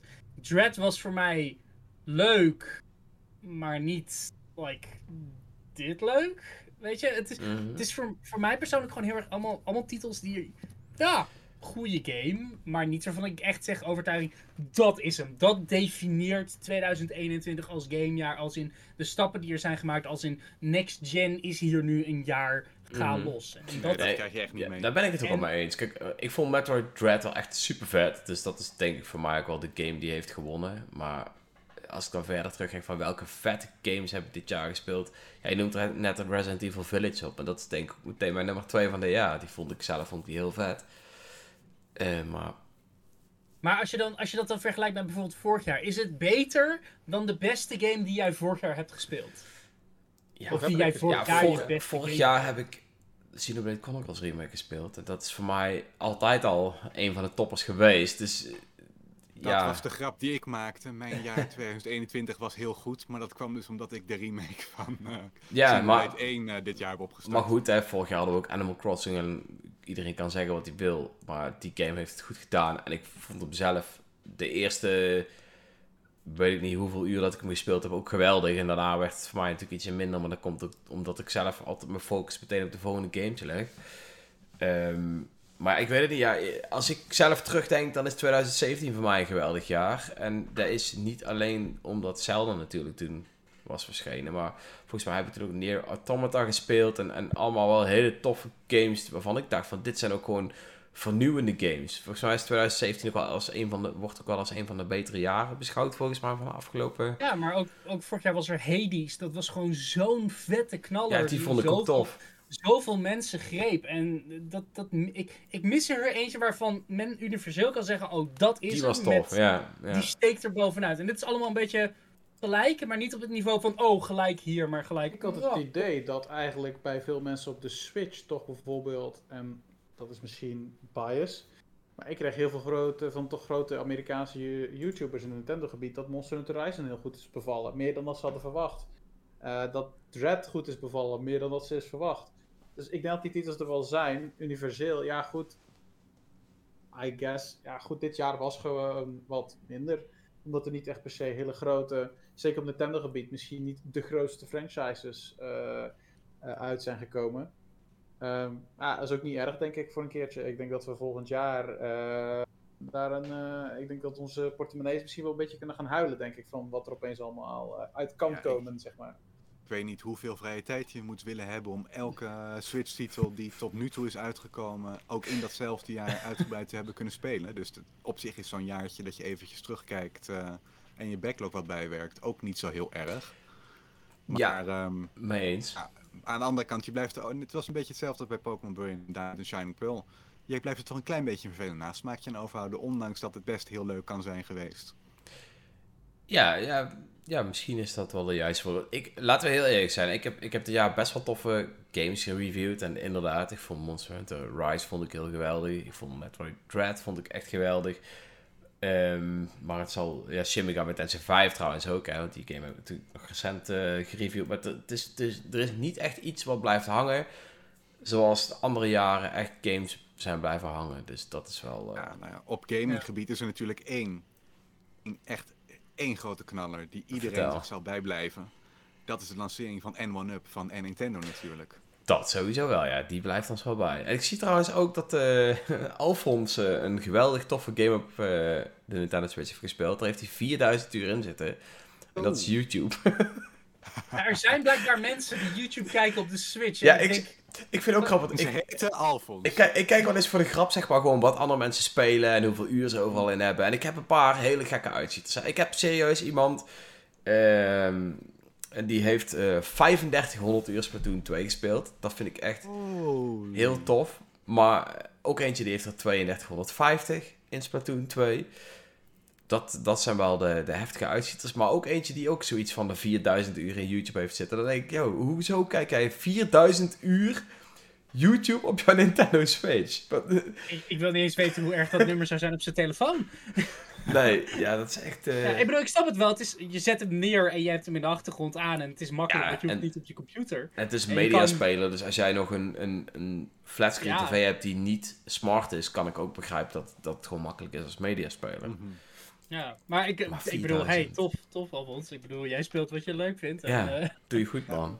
Nog even meer variatie aan content in dan Mario. Op die manier komen de grootste... Uh... AAA-titels natuurlijk ook op je Switch uit, hè? Als je het via YouTube doet. Ja. Maar even terugkomen, zeg het eens, Robin.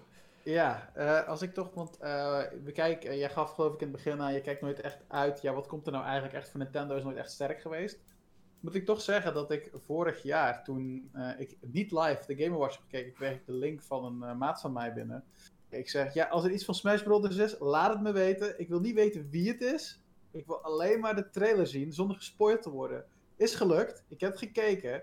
En ik wist tot aan de deuntjes, zeg maar, nog niet wie het was. En toen ik het hoorde, ik zoiets van, yo, dit is super vet. Dat was de beste ja. ochtend die ik had, denk ik, van dat jaar. Gewoon om even wakker te worden en te denken van, yo, dat is fijn.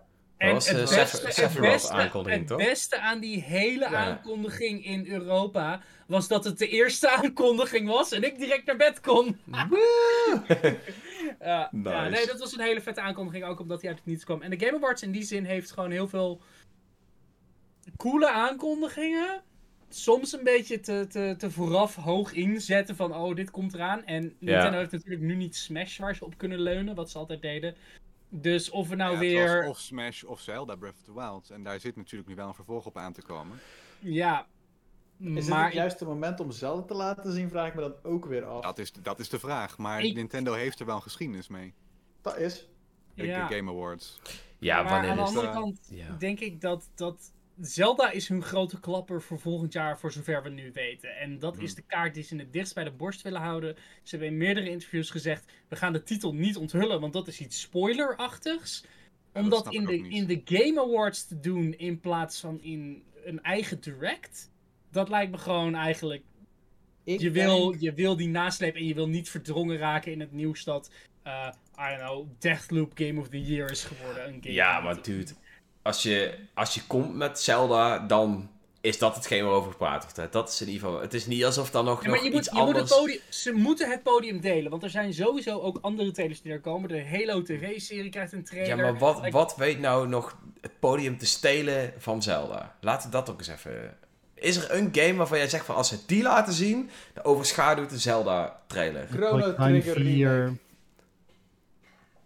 Oké, Metroid Prime 4, maar dat is, dan is het ook van Nintendo. Maar er is zeg maar, als, als Nintendo het podium wil, Het is- ze ja, hebben natuurlijk wel bepaalde games waarmee ze het podium kunnen pakken en dan worden ze al automatisch koning van de avond, zeg maar. De, de reden dat ik meer neig naar Metroid Prime 4 is A, er is nog niks over getoond. Mhm. Dus het is een, een, een blank veld. Je hoeft geen verwachtingen waar te maken. Iedereen ziet dat en denkt, holy shit, ze hebben Metroid Prime 4 getoond. Oh, welke Mhm. game is er genomineerd voor Game of the Year?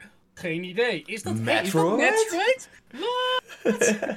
Ik bedoel, dat, dat is een 1-2'tje die heel makkelijk Mhm. te maken is. Eh, en daarnaast, eh Keely heeft het over 2,5 jaar werken naar een announcement toe. Wat is er ongeveer 2,5 jaar geleden gebeurd? Oh, Retro heeft een project overgenomen van een eh Bandai Namco voor Metroid Prime 4. Ja, dat heel, lijkt mij heel logisch. eerlijk, ik, eh, ik verwacht zelf niet heel veel van Nintendo. Oh, absoluut. Ehm, maar toevallig als- altijd Toevallig heb ik iets, pas maar- eh, onze eigen geliefde Patrick eh, zag reageren met eh, dat er waarschijnlijk iets van eh, Hideo Kojima of zo aangekondigd kan worden. Die kans is natuurlijk veel groter, want ja, die is buddy buddy Die is- buddy met... ja, die als, is buddy met hij zijn vriendje maar- iets kan laten doen op het podium, dan doet hij dat. ja, maar voor de rest, ja, ik, ik, mijn verwachtingen zijn altijd heel laag als het gaat om Nintendo gebied en, en op de Game Awards tenminste.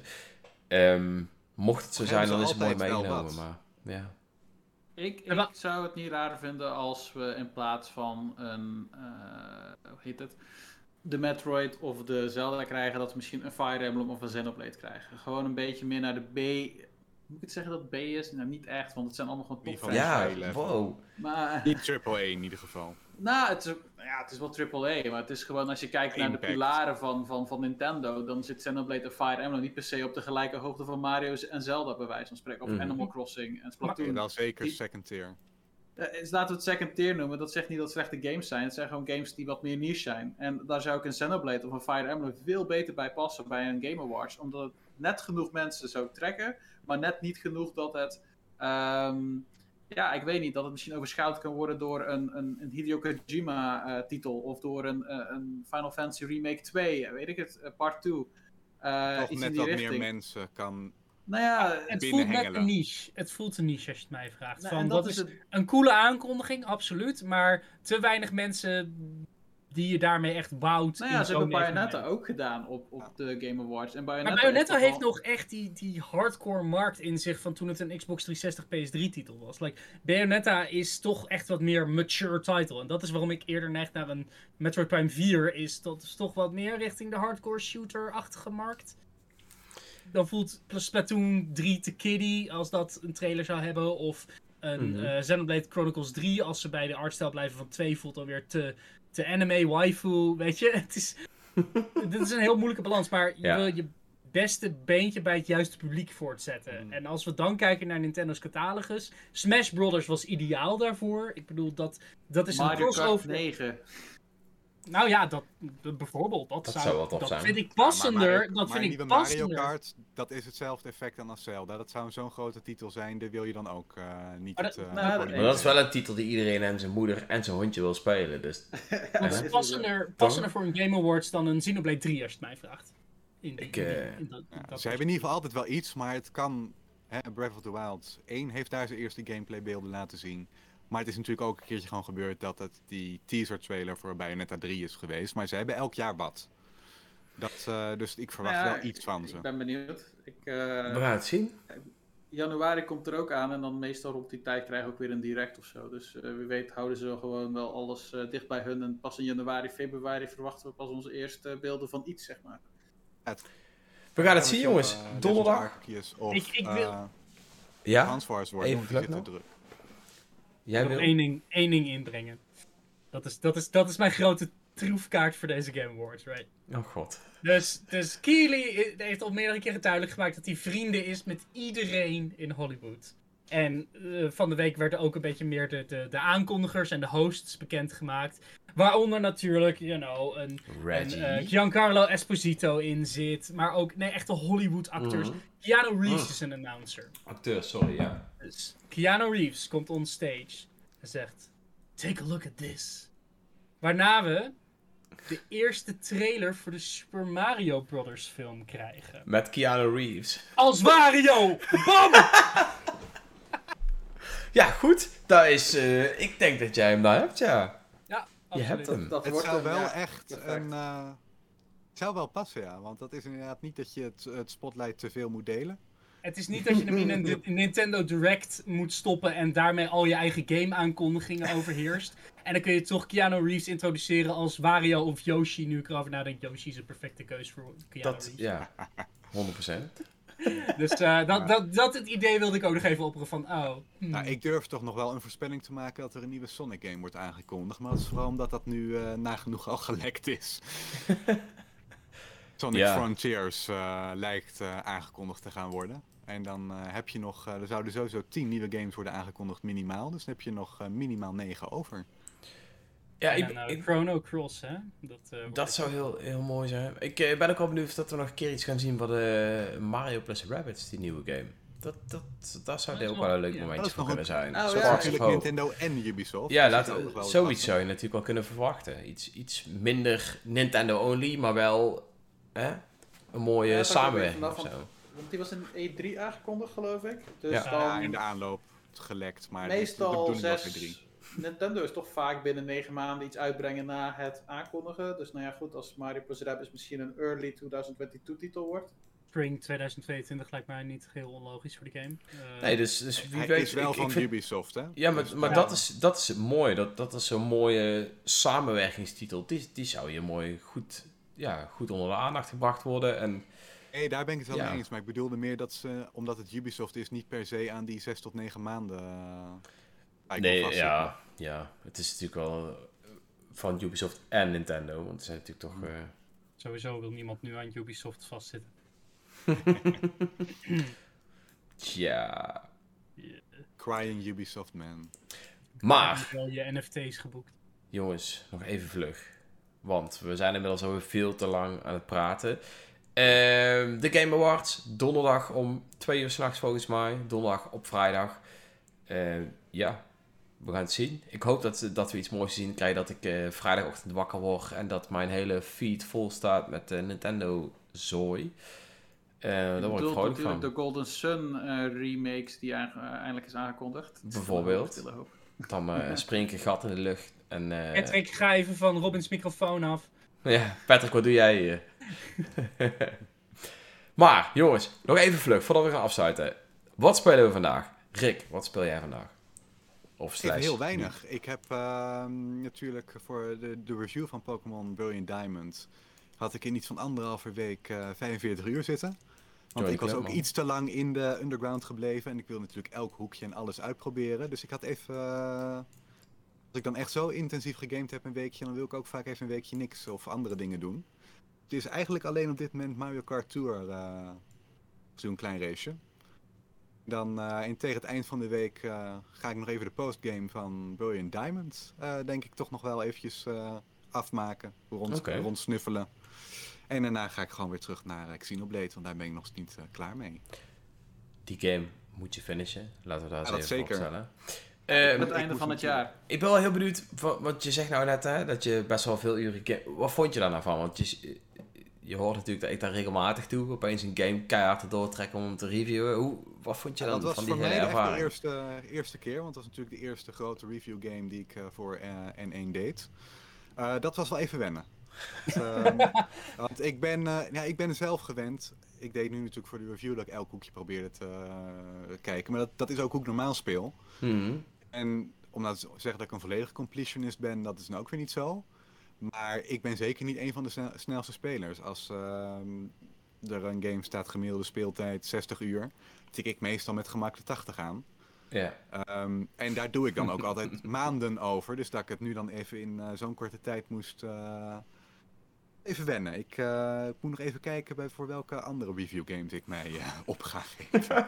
Met deze ervaring in het achterhoofd. Ja, nice. Ik, eh, ik hoop dat je uiteindelijk een mooie ervaring over hebt gehouden. Ja, nee, ik ben er wel. eh, eh, het, het was leuk, maar om nou te zeggen dat je dat elke week moet doen. En ook nog andere dingen in het leven. Wel? Wel. Ehm, De Mia en zo, weet je. Gewoon echt waar je blij van wordt. ik wou net zeggen, ik, dit is juist het moment waarop je niet heel veel anders hebt in je leven. Maar, ik krijg van tuss- tussendoor van Alfons nog even een vraag. Wat is onze reactie op Garfield en Nickelodeon All-Star Brawl? Het was Ja. even de chockerende reminder dat Nickelodeon de Garfield IP heeft gekocht een paar jaar geleden voor veel te veel geld. En, En dat ze het goed gebruiken, zoals we Ja. zien. Jim Davis verkocht. Ja, ja de- Pass.inc is volgens mij eh, nog wel in bezit, maar de Hm. Garfield IP voor media is naar Nick. Damn. Nou, Ja. ik, ik ben helemaal in eh, shock, joh, Alfons. Ah. En zorg, je, kan hem, je kan hem nu in elkaar slaan met eh, wie? SpongeBob. SpongeBob. Patrick. Oh, nog leuker. of de avatar, net wat je wil. Eh, Ja, maakt ik- de over game niet veel beter. Nee, Nee. maar ik was eigenlijk verbaasd, want ik heb zeg maar in mijn YouTube-feed heb ik soms eh, eh, die Smash-tournamenten dat eh, ze dat neerzetten. En opeens eh, zag ik eh, in plaats van Smash, zag ik eh Sephiroth tegen, weet ik veel, Sora. Zag ik in één keer SpongeBob die eh, tegen Aang van de Avatar vocht. Wat? Dat is even wennen. Wat gebeurt hier? Ja. Ja. Ja. Wat zijn we erop? Robin, wat speel jij momenteel? Eh, ja, eh, zoals ik net zei, ik heb eigenlijk heel veel aan Pokémon spe- time gespendeerd. Dat zal ik waarschijnlijk ook wel sporadisch nog doen. Nou, Big Brain Academy komt er dus aan. Daar ga ik, ik denk misschien nog vandaag en anders morgen ga ik er een begin aan maken. Om gewoon eens even lekker doorheen te spelen en kijken wat, wat het allemaal te bieden heeft. En mijn vriendin die is ook Super Mario Party heeft ze ontdekt. Die heb ik, Superstars had ik recentelijk ook binnengekregen via Black Friday deals.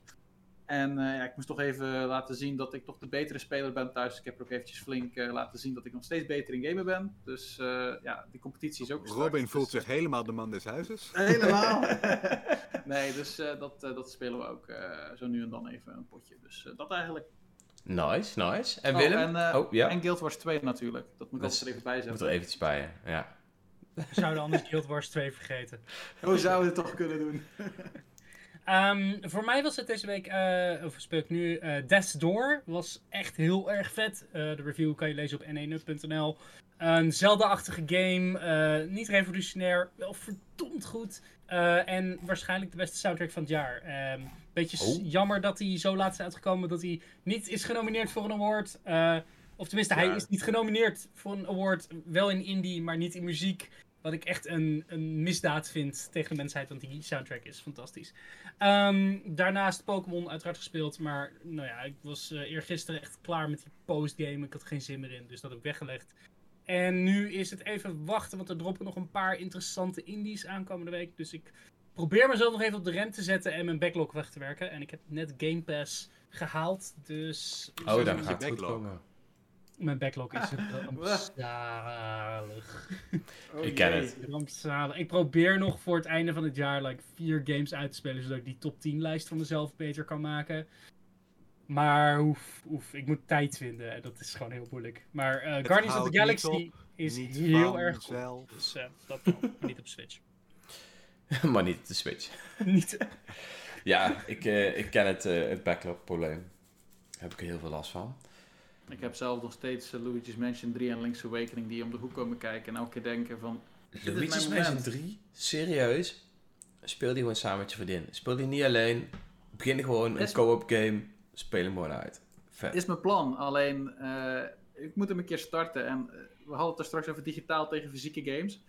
Ik ben zo lui dat ik de hele tijd mijn spellen moet switchen op mijn Switch. Mhm. dat, dat, ik weet niet, daarom wil ik hem toch, toch wel digitaal hebben. Maar aan de andere kant, ik wil het ook gewoon fysiek hebben. Dus ja, ik ben gewoon struggles. lui. Nintendo is Ja. blij met jou en De je dubbel struggles. aankopen. Ja, dat nee, nee, wel. nee, ik ga, niet, eh, ik ga niet dubbel aankopen. Zo gek ben ik nog net niet. Dubbel aankopen omdat je die dan niet hoeft te wisselen. Klinkt goed. Hey, ik eh, ben zelf eh, van alles door elkaar aan het spelen. Ik ben nou eindelijk eh, een beetje in mijn backlog bij aan het werken, maar ook heel veel nog steeds Stardew Valley aan het spelen. Want dat is een game waar ik altijd weer naar terug ga. Het is echt, ik, ik snap het niet. Ik en Stardew Valley hebben echt een heilig gecompliceerde relatie. Het is echt. Die game is. Iets is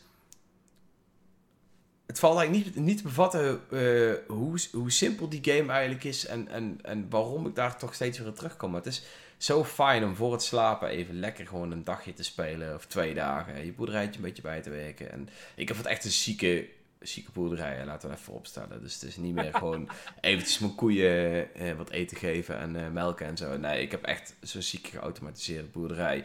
En inmiddels kun je ook op die island, uh, Ginger Island, kun je een nieuw, nieuwe farm bouwen. Dus daar ben ik nou ook volop mee bezig. En uh, dat is vet. Ja. Oh, en ik ben trouwens met mijn vrienden, het is eventjes niet Nintendo related, maar begonnen aan Valheim. En die game, is, uh, die game is vet om te spelen met vrienden. Wij hebben zeg maar met, met onze vriendengroep hebben wij uh, sinds corona is begonnen een avondklok crew uh, opgericht.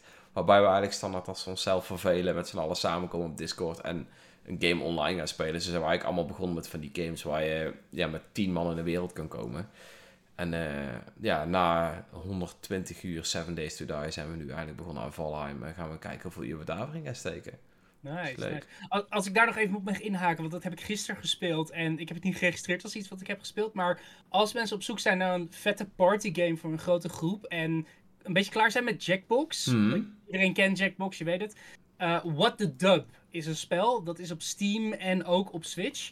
En Ja. het, gebruikt, eh, het gebruikt het Jackbox systeem. Dus je hebt zo'n website waar je dan met een code inlogt en met zichzelf bezig bent. Alleen de, de twist is dat je kijkt naar eh, copyrightvrije films. Dus films uit de jaren 30, 60. Echt Ja. hele crappy films. Waar ze audio hebben gebliept. En jij mag de prompts voor de audio doen. En dat doen ze met text-to-speech. Dus Nice. alles wat je opschrijft wordt goed uitgesproken.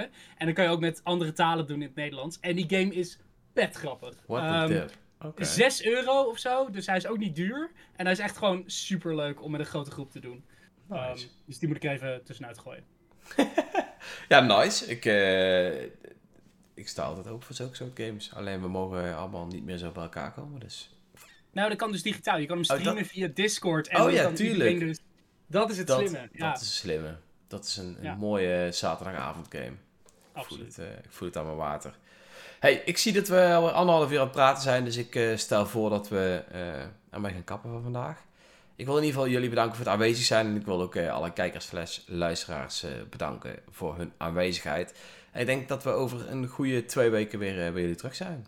Dus ik zou zeggen... Einde van het jaar. Einde van het jaar. Oeh, dan gaan we onze Grote eigen. Game of the Years eh, ja, bespreken.